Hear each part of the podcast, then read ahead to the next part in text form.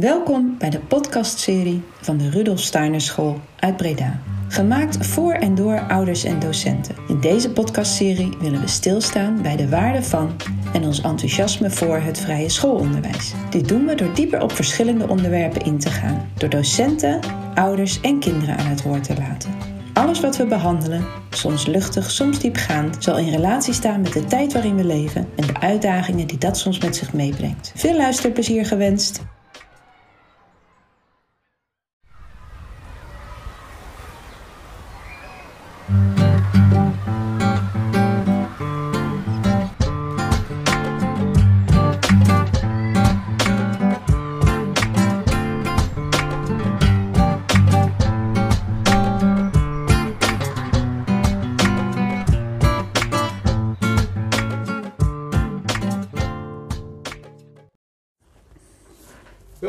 Bij deze tweede podcast eh, van de Rudolf Steiner School in Breda. Ik ben Wessel. Ik ben Jetske. En ik ben Nat. En waar gaan we het vandaag over hebben? Van... Ik dacht dat we het vandaag gingen hebben over de vooroordelen die er kunnen leven ten aanzien van het vrije schoolonderwijs. Ja. Zijn die er dan? Ja, er zijn wel een paar thema's die ouders noemen als ze in contact komen met de school. Dus het is goed om die eens een keer aan te breken. Ja, Ja. zeker. En waar moet ik zo aan denken? Nou, ik heb net vlak voor het eten heb ik nog eh, aan eh, mijn man gevraagd wat zijn vooroordelen waren. En eh, ja, een van de belangrijkste daarbij is wel ook de, de naam vrije school. Dat, Ja. Eh, dus het woord vrije in school eh, kan een beetje leiden tot het idee dat het kind eigenlijk mag doen wat hij wil op school. Dat het misschien zelfs mag zeggen welke les hij wel meedoet en we- niet meedoet. En ik moet heel eerlijk zeggen, bij mij leefde exact datzelfde vooroordeel. Oké. Het was eh, het idee wat ik had bij Montessori-onderwijs, waarbij eh, kinderen zelf kunnen bepalen waar, wanneer ze aan wat toe zijn. dat dicht ik toe aan eh, het vrije schoolonderwijs. Dus eh, het komt wel ergens vandaan. Maar ja, wat, is wat wordt er nou echt mee bedoeld? Ja, ehm, het is inderdaad iets wat ik, eh, wat ik steeds hoor. En al toen ik hier kwam werken, zeg maar, eh, al hoorde. Ik weet dat er ook op een technische school vanuit de mentor, zeg maar, daar eh, in de introductie van nieuwe leerlingen op een ambachtelijk onderwijs, zeg maar, ook gezegd werd zo van ja, wij zijn hier geen vrije school. In de zin van hier mogen ze niet in de gordijnen klimmen. dus het is, het is constant eh, het gevecht inderdaad. Nou, ja, die, die naam vrije school komt eigenlijk zeg maar, van eh, vrijheid, vrijheid van onderwijs af. Vanuit oorsprong wilde Steiner zeg maar, een school oprichten. En hij werd gevraagd door een eh, sig- sigarettenfabrikant om eh, eh, vanuit de antroposofie zeg maar, een soort pedagogiek te schrijven. Dus daar is Steiner mee aan de slag gegaan en heeft dat gedaan. En hij wilde een soort onderwijs die zeg maar, los van de staart was. Die zijn eigen leerplan kon vaststellen, die op zijn eigen manier zeg maar, kon werken. En daar is eigenlijk de naam Vrije School vandaan gekomen. En wat er dan achter ligt is ook dat hij natuurlijk in het streven eh, wat er was in de opvoeding van de kinderen en van de mens, om eh, de mens op te voeden tot een, tot een vrij mens. Eh, dus niet in een stroom zetten waarbij je van tevoren zeg maar, bepaalt van wat eruit moet komen. Dus het onderwijs zo inrichten zoals het klassiek soms ook inderdaad wel gaat. Universiteit ziet van dat ze een bepaalde leerlingen, eh, studenten willen hebben. Eh, die stelt zijn eisen vast. Dan gaat het eh, middelbaar onderwijs gaat kijken van hoe ze aan die eisen kunnen voldoen. Dan hobbelt het basisonderwijs daar zeg maar achteraan om te kijken of ze de kinderen zo goed mogelijk kunnen voorbereiden om dat voortgezet onderwijs in te komen. Zo is in feite ook de kleuterschool ook de nek omgedraaid. want we moesten al in de kleuterschool zeg maar beginnen met bepaalde dingen. Want ze moesten in de basisschool toch dit en dat allemaal kunnen. Dat is geen vrijheid van onderwijs. Want dan eh, eh, ja, ben je zeg maar, als maatschappij al van tevoren vast aan het leggen en bepalen zeg maar, waar dat kind uiteindelijk terecht moet komen. En dat werkt niet. Want als een kind aan het begin van zijn loopbaan in een kleuterschool terechtkomt en uiteindelijk dan zeg maar misschien als student ergens eh, af gaat studeren of eh, in een ambacht gaat werken als hij een ambachtelijke richting heeft gevolgd, dan is die maatschappij ondertussen weer 20, uh, 20 jaar verder onderweg, 30 jaar verder onderweg en is dus al veranderd. Je hebt dus mensen nodig, zeg maar, die uh, ja, op een open manier in die maatschappij kunnen staan en met die veranderingen om kunnen gaan. En elke keer als je denkt bepaalde veranderingen voor te kunnen zijn, dan ben je eigenlijk te laat.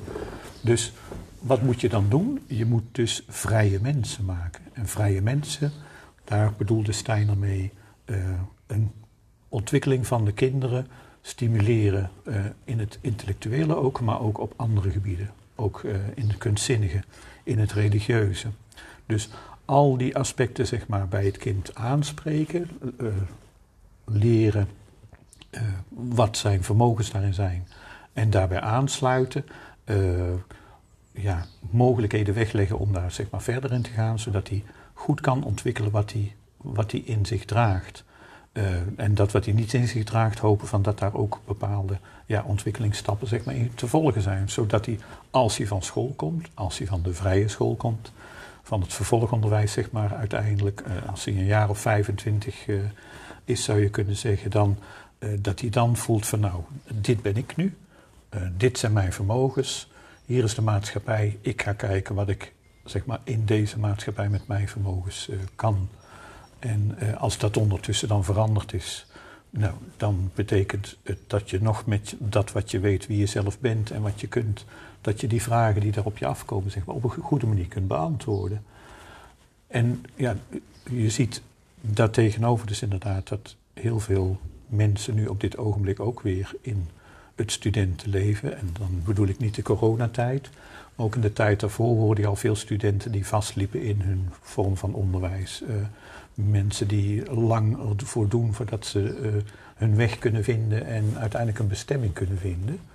En ik denk dat dat er ook mee te maken heeft, omdat ze dus te eenzijdig in hun opleiding, zeg maar, als het ware ontwikkeld zijn. Ja. En intellectuele vermogens veel voorop staan. Los van dat natuurlijk binnen het regulier onderwijs ook heel veel leuke dingen gedaan worden. Maar uh, ja, toch op een andere manier. Uh, soms niet met eenzelfde doel, zeg maar, maar op een andere manier uh, dan, uh, dan wij dat doen. Dus ja, ik meen inderdaad dat onze kinderen met iets meer bagage, zeg maar, dan die maatschappij instappen. Omdat ze gewoon alles hebben leren ontdekken aan zichzelf. Ja. Eh, ja, terug, het is niet voor niks een vooroordeel. Um, maar ja, als je zo hoort vrije school en je hoort dit verhaal wat er daadwerkelijk achter zit, ja. daarom is, uh, is het ook ja. een vooroordeel en is het geen, uh, geen. Is, is de naam niet verkeerd gekozen? Want hoe heeft Rudolf Steiner het zelf genoemd? Het is natuurlijk een Nederlandse vertaling. Ja, in, in het Duits heet het Vrije Waldorfschule of Waldorfschule. Ehm, het is ook wel eens zo inderdaad dat je een heel ander gesprek hebt, ook in een gezelschap, als je zegt dat je op de Rudolf Steiner school werkt, want sommigen kennen dat hetzelfde als de John F. Kennedy school, dan, eh, dan dat je het vrije school noemt. Want dan merk je meteen, daar zitten mensen in die vooroordelen zoals, eh, zoals je dat inderdaad, eh, zoals je dat noemt en zoals we er zo meteen nog een paar misschien tegenkomen. Zeker. Dus ehm, ja, Rudolf Steiner school is wat dat betreft misschien een iets neutralere term.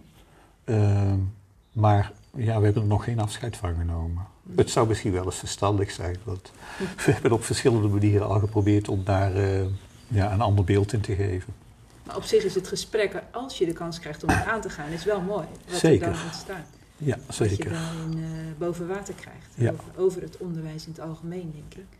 Ja. Ik ben nog benieuwd naar uh, ook het thema begrenzen. Dat was ja. ook zo'n vooroordeel wat ja. bij ons dan over tafel ging van worden kinderen wel voldoende begrensd en wordt die wil dan wel voldoende gestimuleerd? Ja. ja ligt die grens bij de gordijnen? Of, uh, ja, ja, ja, ja. In mijn eerste groep hebben ze wel eens in de gordijnen gezeten. Ja, bijna letterlijk. Ja, nee, um, ja, ik, ik denk um, dat is wat mensen ook wel kan verrassen, zeg maar, als ze echt werkelijk kennis maken met, met ons onderwijs. En bij ons achter in de klas komen zitten ook mensen die wel eens komen solliciteren. En vanuit dat beeld een beetje komen kijken, zo van hè, vrijheid uh, van onderwijs. Dus kinderen zullen zelf wel mogen bepalen dat ze toch eigenlijk het ook kenschetsen van het is toch ja, erg geleid, zeg maar. Het wordt vanuit een bepaalde stroom en een idee naar de kinderen toe gebracht. En uh, binnen die lijnen is er natuurlijk wel vrijheid voor de kinderen om in te bewegen. En kijk je heel goed van hoe een kind zich daartoe verhoudt met dat wat je aanbiedt. Maar het is toch wel een hele duidelijke lijn zeg maar, die daarin zit. En met name een stukje wilsontwikkeling, zeker in deze tijd, is een, is een heel belangrijke. Want uh, ja, het, het, is ook een beetje in de tendens um, van het ja, niet kunnen nee zeggen, uh, het niet begrenzen, het, het, het, autoriteitsbeleven wat je ziet, wat langs allerlei kanten zeg maar wegvalt. Uh, wat wij erg, ja, waarvan wij eigenlijk zeggen van dat is eigenlijk heel erg belangrijk, zeker voor jonge kinderen, dat ze autoriteit beleven.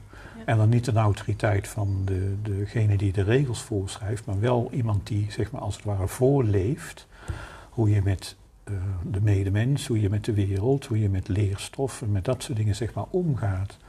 En uh, ja, dan, dan is die wilsontwikkeling, dus uh, het, het niet, daar, daar hoort ook een beetje bij het niet willen, hoewel het wel verder gaat, wilsontwikkeling, maar ook het niet willen, uh, ja, hoort daar ook bij dat je daar niet van zegt van nou dan gaan we daar omheen en dan kijken we eens of we daar iets anders kunnen doen. Dat stukje aangaan met leerlingen is soms een heel wezenlijk stuk. Het hangt er een beetje van af uh, wie je voor je hebt. Maar ik heb verschillende keren wel ervaren van als je zeg maar in een wilsstukje zit, dat je een kind voor je hebt wat een bepaalde richting uit wil en jij zelf een bepaalde richting uit wil. En hoe je daaruit komt en die strijd die je daarmee aangaat, Um, ja, dat dat, dat, dat uh, heel veel ontwikkeling kan geven. Ja. Hè? Wrijving geeft glans. Nou, dat, uh, dat is daar zeker in. Dus kinderen hebben het soms ook nodig dat ze zich ergens aan kunnen schaven of ergens tegenaan kunnen stoten. En dan, als, als ik voel dat een kind dat nodig heeft, dan, uh, dan bied ik hem dat ook. Ja. Dan mogen ze tegen mij stoten en tegen mij aanboksen en kijken van, van waar grenzen liggen. En zal ik het in alle respect zeg maar, dan ook die grenzen geven. Dus ik gebruik dat niet mijn autoriteit zeg maar, om mijn wil op te leggen. Maar ik gebruik mijn autoriteit wel om voor dingen te staan waarvan ik denk, die zijn waardevol. Ja. En daar heb ik mijn grens in. En daar heeft het kind ook zijn grens in. En daar kun je inderdaad wel eens in botsen. Maar dat zijn soms hele waardevolle gebeurtenissen, zeg maar. Ja. ja, Dus ja, dat is niet altijd makkelijk. Nee. Ook voor ouders om dat, uh, om dat wel eens te, zien. Ja, ook te horen. Want ja. ze, hè, ze vinden toch van iedere dag moet eigenlijk een feestje zijn. En ik chargeer even ja. om het duidelijk te maken. Maar iedere dag moet een feestje zijn. Ja, dat is het niet. Want zo zit, zo zit het leven niet in elkaar. Kun je er een specifiek voorbeeld van geven? Dat dat botste met, met ouders over een... Uh... Um, nou ja, dat je... Uh, dus dat ik met, zeg met, met een kind in de klas om het uh, aan het werk te krijgen, zeg maar, bepaalde stappen nam. Dus ja, echt me, zeg maar, dan wel als een, als een wat koude autoriteit opstelde van ik vind nu dat dit moet gebeuren.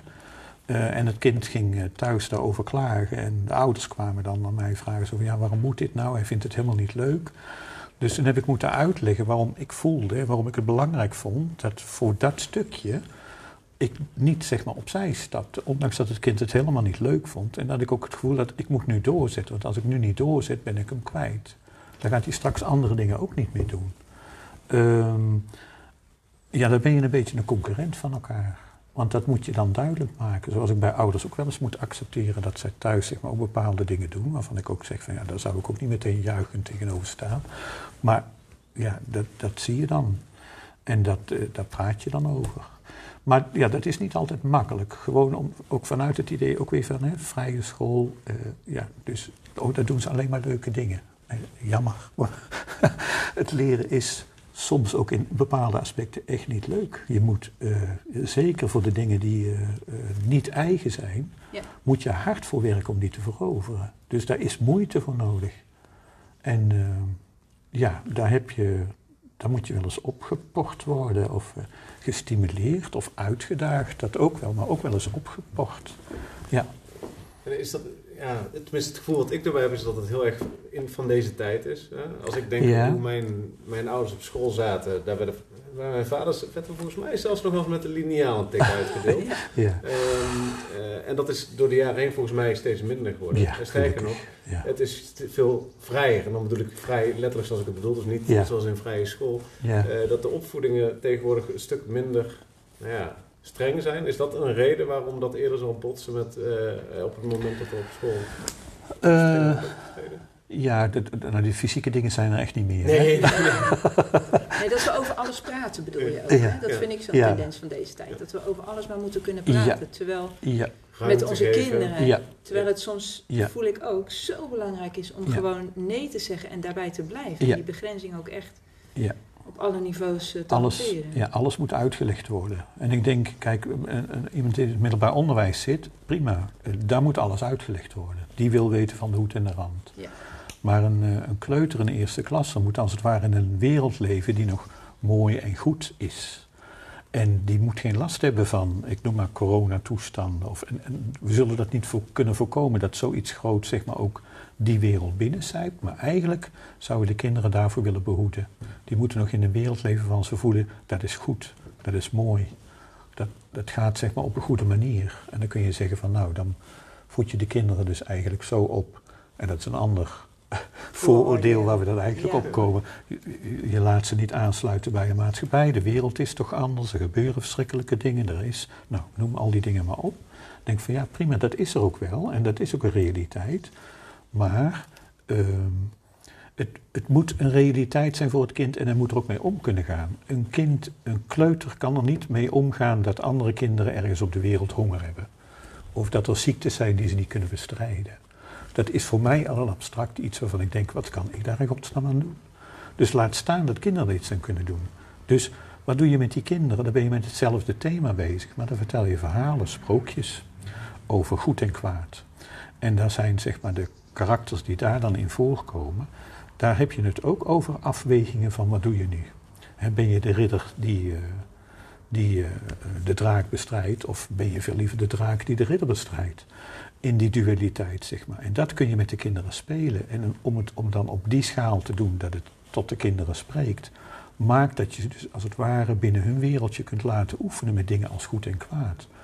En dat gaat langzaam natuurlijk, naarmate ze ouder worden, komt dat meer met die realiteit in aanraking. En met bovenbouwers kun je heel goed praten over wereldproblemen en uh, wereldoorlogen en dat soort zaken. Maar ga dat met kinderen van een onderbouw en een kleuterklas niet doen. Want dat zijn abstracties waar ze ja, geen verbinding mee kunnen krijgen. Dus daar wil ik ze dan wel voor afschermen. En uh, ja, dan, ja, dan ben je daar wel inderdaad afschermend. En dan zeg je dus van ja, we willen uh, kleuters zoveel mogelijk laten spelen en niet in aanraking brengen met al te veel intellectuele ontwikkeling. Dat is iets wat later komt. Uh, we willen het inderdaad allemaal uh, mooi verzorgen en fijn laten verlopen voor, voor kinderen. Want dat is, ja, dat is de wereld zoals ze hem moeten zien. Vanuit die positiviteit, positiviteit moeten ze hem beleven. En dan kan een kind ook naar buiten komen dan durft het ook zeg maar, naar buiten te stappen in die wereld en zich te laten zien. En op het moment dat het zich laat zien, kun je ermee mee aan de slag. Want kinderen die zich verstoppen en ja, afsluiten voor die wereld, omdat die te groot en te moeilijk is, of dat ze te veel belast worden door allerlei prikkels die er zijn, dan ben je eigenlijk niet meer bereikbaar. En dan kun je niet meer tot, zeg maar, tot, die, tot die volle wasdom komen, wat je eigenlijk de kinderen zo zeer gunt. En zou je nog iets kunnen zeggen over het waarom die kleuters daar nog niet mee om kunnen gaan? Uh, ja, die, die, zeg maar, die motorische ontwikkeling is dan nog heel erg belangrijk. Je zou kunnen zeggen van um, in, die eerste zeven jaar zie je dat hè, een kind wordt geboren. Uh, krijgt zijn, je zou kunnen zeggen, hij krijgt een, een, een, lichaam. Hij wordt geboren in een lichaam van zijn, gekregen van zijn vader en zijn moeder. En dat moet hij zich helemaal eigen maken. Mm. en uh, eigenlijk alle energie en aandacht die, uh, die, daar, die daarvoor nodig is, die moet eigenlijk juist alleen maar daarna uitgaan in die eerste zeven jaar. Dus dat moet ten volle moet dat, gevierd worden. Dus dat lijf en dat lichaam, en, dat moet groeien, maar dat moet ook in aanraking komen met de wereld, letterlijk in aanraking met de wereld. Al zijn zintuigen moet hij erbij kunnen gebruiken. Zodat hij daar als het ware in de eerste zeven jaar al leert van dat instrument dat kent deze dingen. Dat is kou, dat is uh, warmte, dat is uh, moeite, dat is pijn. Nou, al die zeg maar, dingen moet fysieke, hij, ja, fysieke dingen moet hij, moet hij als het ware opdoen. en dan zou je kunnen zeggen, nou dan is het lichaam echt helemaal van zichzelf. Zoals je bij wijze van spreken, als je een nieuwe huis intrekt, dan is het ook niet, nog niet eerst je huis. Nee. Maar pas als je daar geschilderd hebt en Ja. de trap weer anders bekleed hebt en je eigen meubels in hebt gezet. En dan nog duurt dat soms een tijdje voordat je echt kunt zeggen van nou, nou ga ik zitten. Nou voel ik van dit is mijn huis geworden. Zo zou je dat eigenlijk zeg maar met de, ja, met de kinderen dan eigenlijk ook moeten zien. Je merkt het ook echt in, met de verschillende fases. Hè? Als ze nog echt heel jong zijn in de peuterfase, dat eh, empathie, dat is iets wat je natuurlijk dan al probeert bij te brengen, maar wat nog best lastig gaat. Terwijl in de fase daarna zijn ze juist weer overgevoelig.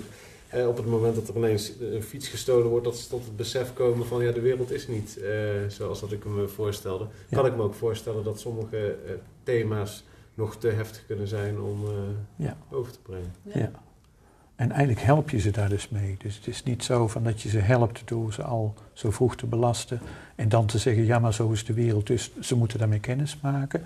Want dan maken ze op een manier dus inderdaad kennis waardoor ze er niks mee kunnen. Dus je moet ze als het ware voorbereiden, zodat ze die vragen of die dingen die ze op zich afkrijgen op een juist moment zeg maar kunnen gaan beantwoorden. En intrinsiek ook vragen over gaan stellen. En, Ja. Ja. Ja, Het vooroordeel was dus dat er geen grenzen eh, Ja. zouden zijn. Ja. Maar de conclusie is uiteindelijk dat ja, de vrije school waarschijnlijk meer gestructureerd is dan, zeker. dan andere scholen. Ja, Ja, ook de ritme en de cycli moet ik aan denken. Ja, waar jullie heel erg. het onderwijs in eh Ja. verzorgen. Ja, het is eigenlijk, zeg maar, je kunt in ieder jaar kun je weer dezelfde jaarfeesten terugvinden. Dus het is ook eh, wat dat betreft inderdaad heel, ja, heel cyclisch. Het is als het ware een soort, ja, in de eerste klas maakt zeg maar de jaarfeesten mee. In de tweede klas komen die terug, maar worden die op een andere manier weer verdiept. En zo zie je dat eigenlijk ieder jaar, zie je dat weer terugkomen, ja. Ja. En eh, ja, het is, het is nog relatief vrij klassikaal onderwijs, hoewel we ook andere zeg maar, onderwijsvormen nu zeker eh, meer eh, aan het introduceren zijn, maar toch, ja, de, de, de leerkracht is eigenlijk de centrale, centrale figuur daarin. Daar komen dan ook wel eens vragen over, hè, van hoe leerkracht afhankelijk, afhankelijk het dan is. Maar ik denk, daar ligt eigenlijk ook de grote kracht ja, van ons onderwijs wel in. Ja. Dat het leerkrachtafhankelijk is. Het maakt het ook moeilijk aan de ene kant, want je weet dus als leerkracht ook wel van ja, het hangt dus voor een groot deel ook van mij af of de dingen gaan lukken, ja of nee. Dat hangt niet van je methode af of van de manier waarop je lesgeeft, maar dat hangt af van hoe jij de dingen doet voor de klas. En, eh, maar dat, het, het is juist ook denk ik een rijkdom en ook dat kinderen kunnen zien dat daar verschillen in zijn. Eh, dus ja, daar zit ook wel een deel van de kracht, maar ook dat is dus weer inderdaad geleid, niet vrij. Handwerkjuffen kunnen daar bijvoorbeeld wel eens tegenaan lopen. Dat we niet zomaar met wol eh, aan de slag gaan Ja. en er leuk creatief mee doen. Maar we breien een muts, we breien sloffen, we breien een sjaal.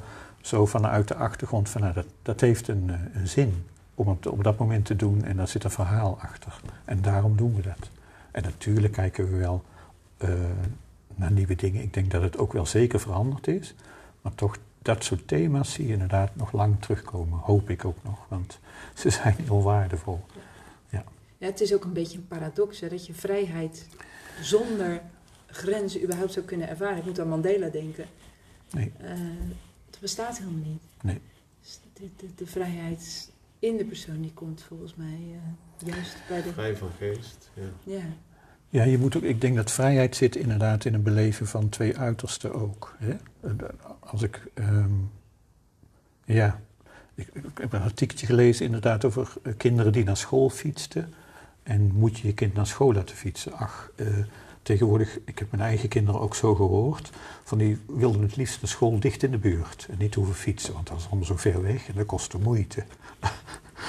Eh, en dat stukje moeite kost, hè, dat is dan ook dat is weer dat stukje wilsontwikkeling dan ook, maar dat zit ook in dat stukje inderdaad van, van ontwikkelingen gaan. Dus pas als je eh, ergens moeite voor gedaan hebt, eh, dan kun je denk ik ook ervaren zo van bij een volgende taak van ja, eh, eh, ga ik dit willen?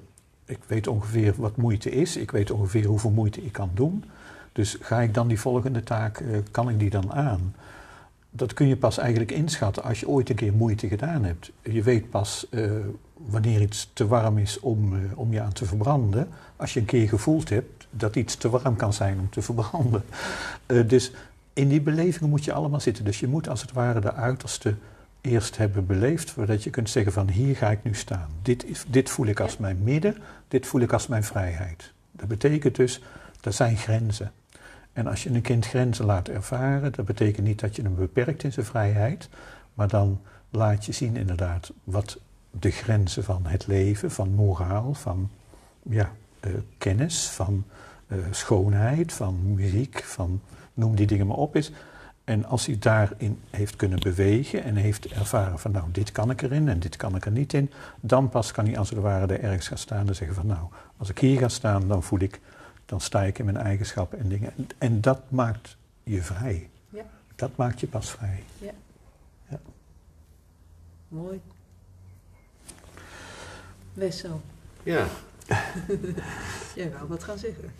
nou ja, dan, eh, eh, je noemde net ook de, de jaarfeesten. Ja. Ehm, eh, als structuur binnen de, binnen, de, eh, binnen de vrije school.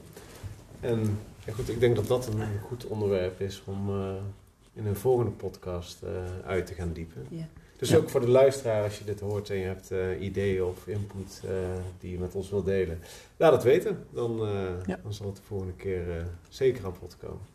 Leuk? Zeker. Dus Goed de zo. volgende keer gaan wij het hebben over de jaarfeest. Prima. Goed. Hartelijk bedankt weer. En tot de volgende keer. Ad, Ja. Ja.